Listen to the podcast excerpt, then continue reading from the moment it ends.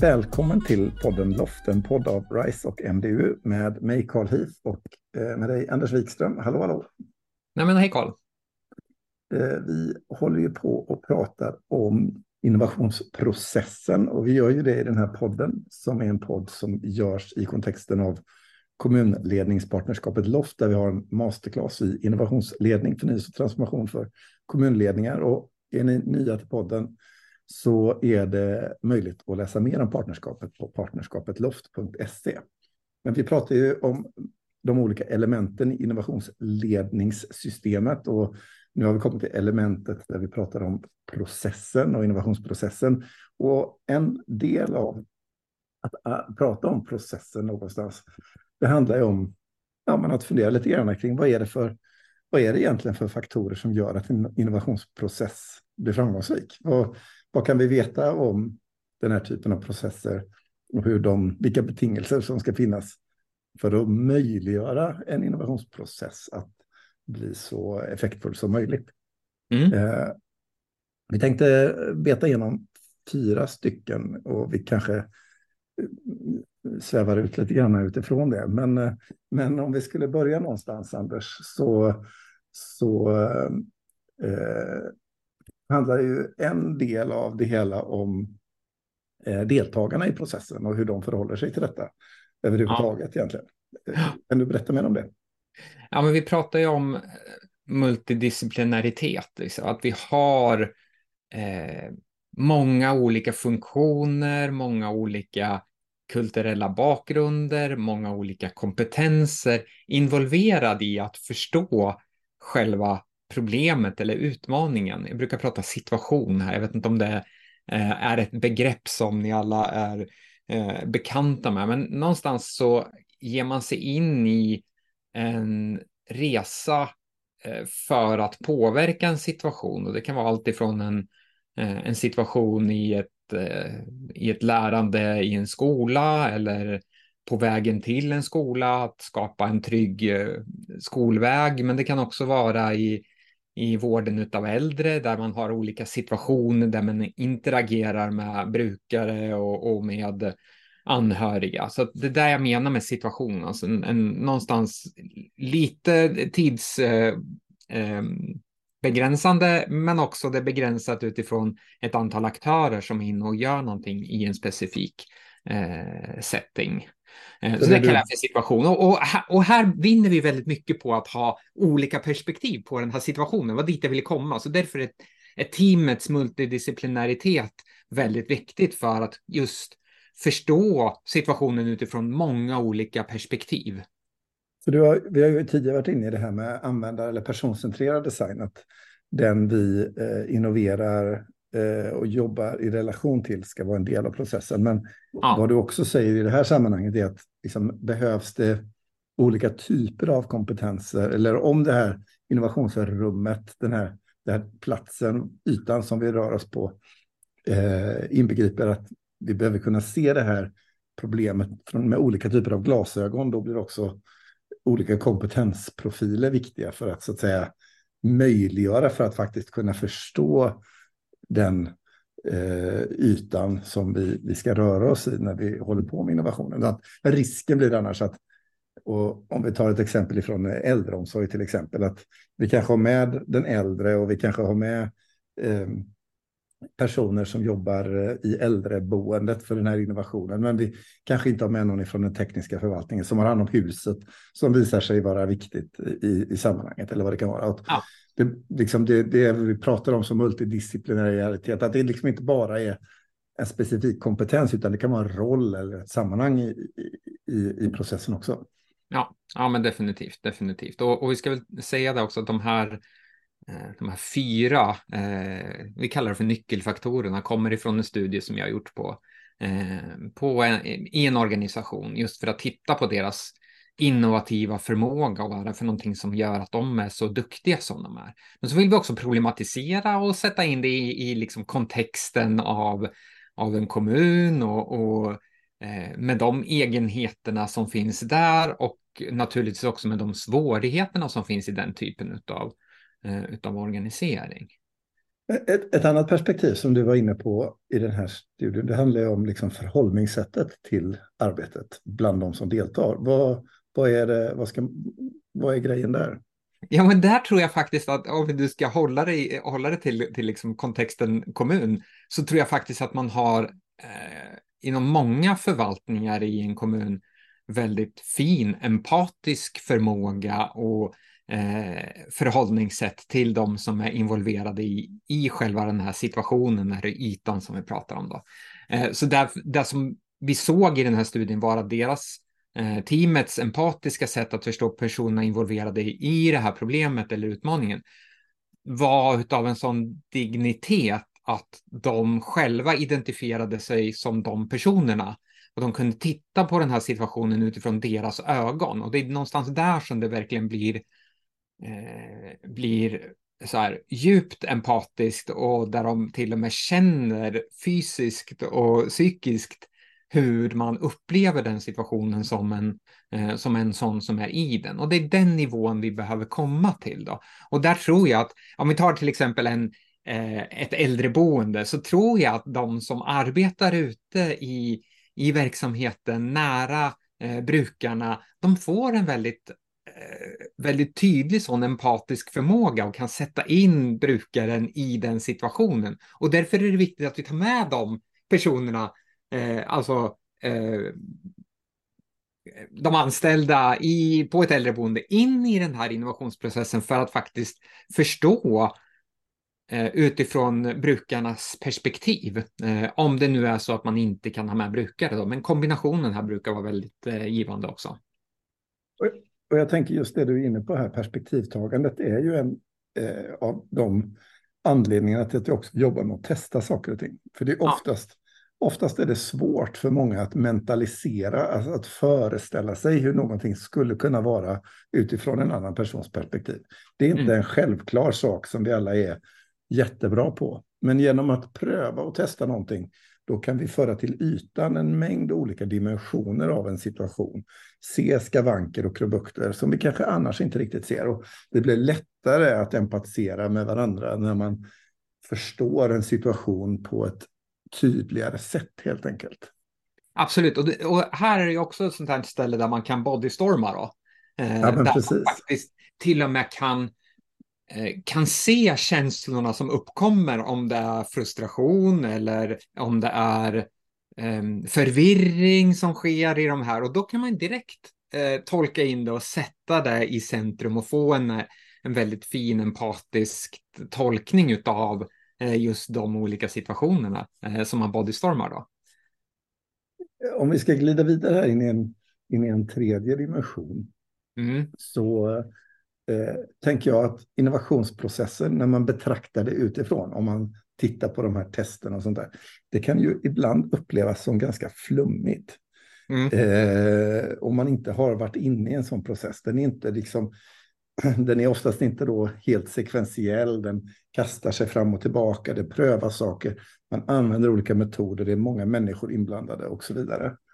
Och det där gör ju att eh, ja, det kan kännas flummigt, men vad vi också samtidigt kan se det att när du har systematik och struktur och du har de här olika metoderna och teknikerna och sammanhangen, även om det kanske till synes förefaller flummigt för att man inte har varit inne i det eller så där tidigare, så, så finns det en väldigt, väldigt eh, tydlig organisation kring hur det går till att göra detta. Man kanske har en uppsättning olika typer av metoder och angreppssätt för hur man jobbar med iterativa processer. Man kanske har en stor uppsättning av olika testverktyg och metoder för att pröva olika saker, eh, utvärderingstekniker och så vidare. Så att, och att ha ordning på det där, det är också en av de här faktorerna, att det finns liksom en systematik och en effektiv process i sig självt för hur det här organiseras. Alltså, och, vilket ju också knyter an till själva ledningsförmågan till den här innovations ledningsprocessen.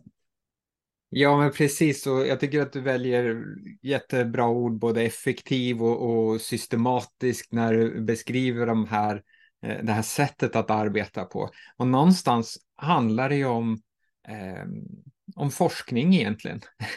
Det är ju research eh, som man försöker göra initialt i de här eh, processerna och då behöver man ju vara systematisk i den datainsamlingen som man gör. Eh, ofta så använder man sig av eh, någonting som kallas för design research eh, som eh, både metod och perspektiv in i den här typen av processer. Eh, och där vi, eh, det vi såg eh, kopplat till den här organisationen som vi studerade var att eh, de var de hade, eh, de hade de perspektiven, men framför allt så var de extremt effektiva och de verktyg och metoder som de använde sig av var de väldigt stringenta i att Eh, förhålla sig till också. De följde stegen till punkt och pricka, hur de samlade hem data så att de också blev säkra på att det var, eh, var liksom eh, eh, rätt sorts data som de fick mm. hem eh, med sig. Ett exempel bara från, från, eh, från tiden som jag tillbringade i den här organisationen var när de åkte ut på, på en intervju med en Eh, med en person och då skickar de två stycken personer ut på den här intervjun. Eh, en person som förde själva intervjun, eh, en person mm. som satt med och reflekterade och antecknade och hade sina glasögon på sig till det som sades i den här intervjun. Eh, och det är ju ett sätt att vara väldigt stringent i det. Men det som skedde sen efter den här intervjun, det är liksom det som jag tycker tar det till nästa nivå också, där de Eh, inom 30 minuter att de hade avslutat intervjun så hade de en första debriefing, det vill säga att de pratade om vad de, vad de hade upplevt, vad som sades eh, tillsammans i den här intervjun för att få en gemensam bild. Och inom 24 timmar hade de gjort en andra debriefing. För man, man någonstans sorterar in det här i sitt närminne och så återberättar man det. Och sen eh, när man låter tiden gå lite så, så kan man göra kopplingarna till sitt eh, till sitt långtidsminne också, sina upplevelser från tidigare. Och då lägger man in det i den andra debriefingen som de hade efter 24 timmar då, vilket gjorde att de på ett mycket, mycket förtroget sätt kunde kommunicera eh, deras insikter till resten av teamet som var involverade i själva arbetet. Och det är ett exempel på att verkligen okej, okay, vi ska göra intervjuer. Okej, okay, men då gör vi intervjuerna så bra som det överhuvudtaget går att göra en intervju. Det, det, fjärde området, det handlar ju väldigt mycket om, eh, om det här med eh, egentligen där du avslutar nu, alltså i kommunikationen. Att mm. när man jobbar med processer av det här slaget så är kanske de flesta inte vana med att jobba på ett sådant sätt. Man jobbar med metoder som man är ovan med. Man jobbar i ett målsökande arbete där det inte är lika tryggt och säkert som i ett klassiskt projektorienterat arbetssätt. Mm. Och eh, man ändrar på eh, riktning för att eh, möta det strategiska eh, syftet som man har, avsikten som ägare där framme, när man eh, Eh, stöter på minor och så vidare. Och det gör att det här är en, en mera rörlig process. Det är flera rörliga delar, saker och ting förändras och ändrar, ändrar på sig. Och det kan ju tendera att skapa en högre grad av otrygghet och en känsla av oro inför att här, kommer vi att lyckas? Vad händer nu? Vad är min roll? Är vi på rätt väg? Vad händer nu? Och så vidare. Och där blir ju kommunikation utifrån att leda den här processen oerhört viktig. Att det finns många hjälpmedel och verktyg för att leda oss i handen i, i vårt arbete i partnerskapet Loft och när vi träffas i många olika sammanhang försöker vi väldigt ofta jobba med visuella verktyg. Vi försöker jobba taktilt och i rummet. Man skriver och pratar och ritar och går och gör olika saker. Snarare än att det är en slags liksom, sluten intellektuell process, utan att få ut tankarna i, i rummet. Vad tänker du mer, Anders, om, om det här med just liksom, det kommunikativa sammanhangen för att processen ska funka? Jag, jag stod precis och tittade upp på min bokhylla här och insåg att eh, min eh, halvvägs in i sina forskarstudier så kan man välja att ha ett halvtidsseminarium eller skriva en licentiatavhandling. Och jag valde att skriva en licentiatavhandling eh, och den handlar just om eh, en, en designprocess baserad på visualisering. Så jag har ganska mycket att säga om det här. Men just det här att man, att man tittar på Eh, och använder sig av de visuella hjälpmedel som faktiskt finns till hands i relation till vart någonstans man är i processen och vilken abstraktionsnivå man har på, på där man behöver visualisera. Allt ifrån där vi, där vi har pratat om i flera avsnitt nu med bodystorming är ju ett sätt att visualisera eh, kom, och, och, kommunicera upplevelsen eller insikterna kopplat till en specifik situation. Till att man kanske gör en pappersprototyp av någonting eller att man eh, visualiserar processen, hur långt vi har kommit.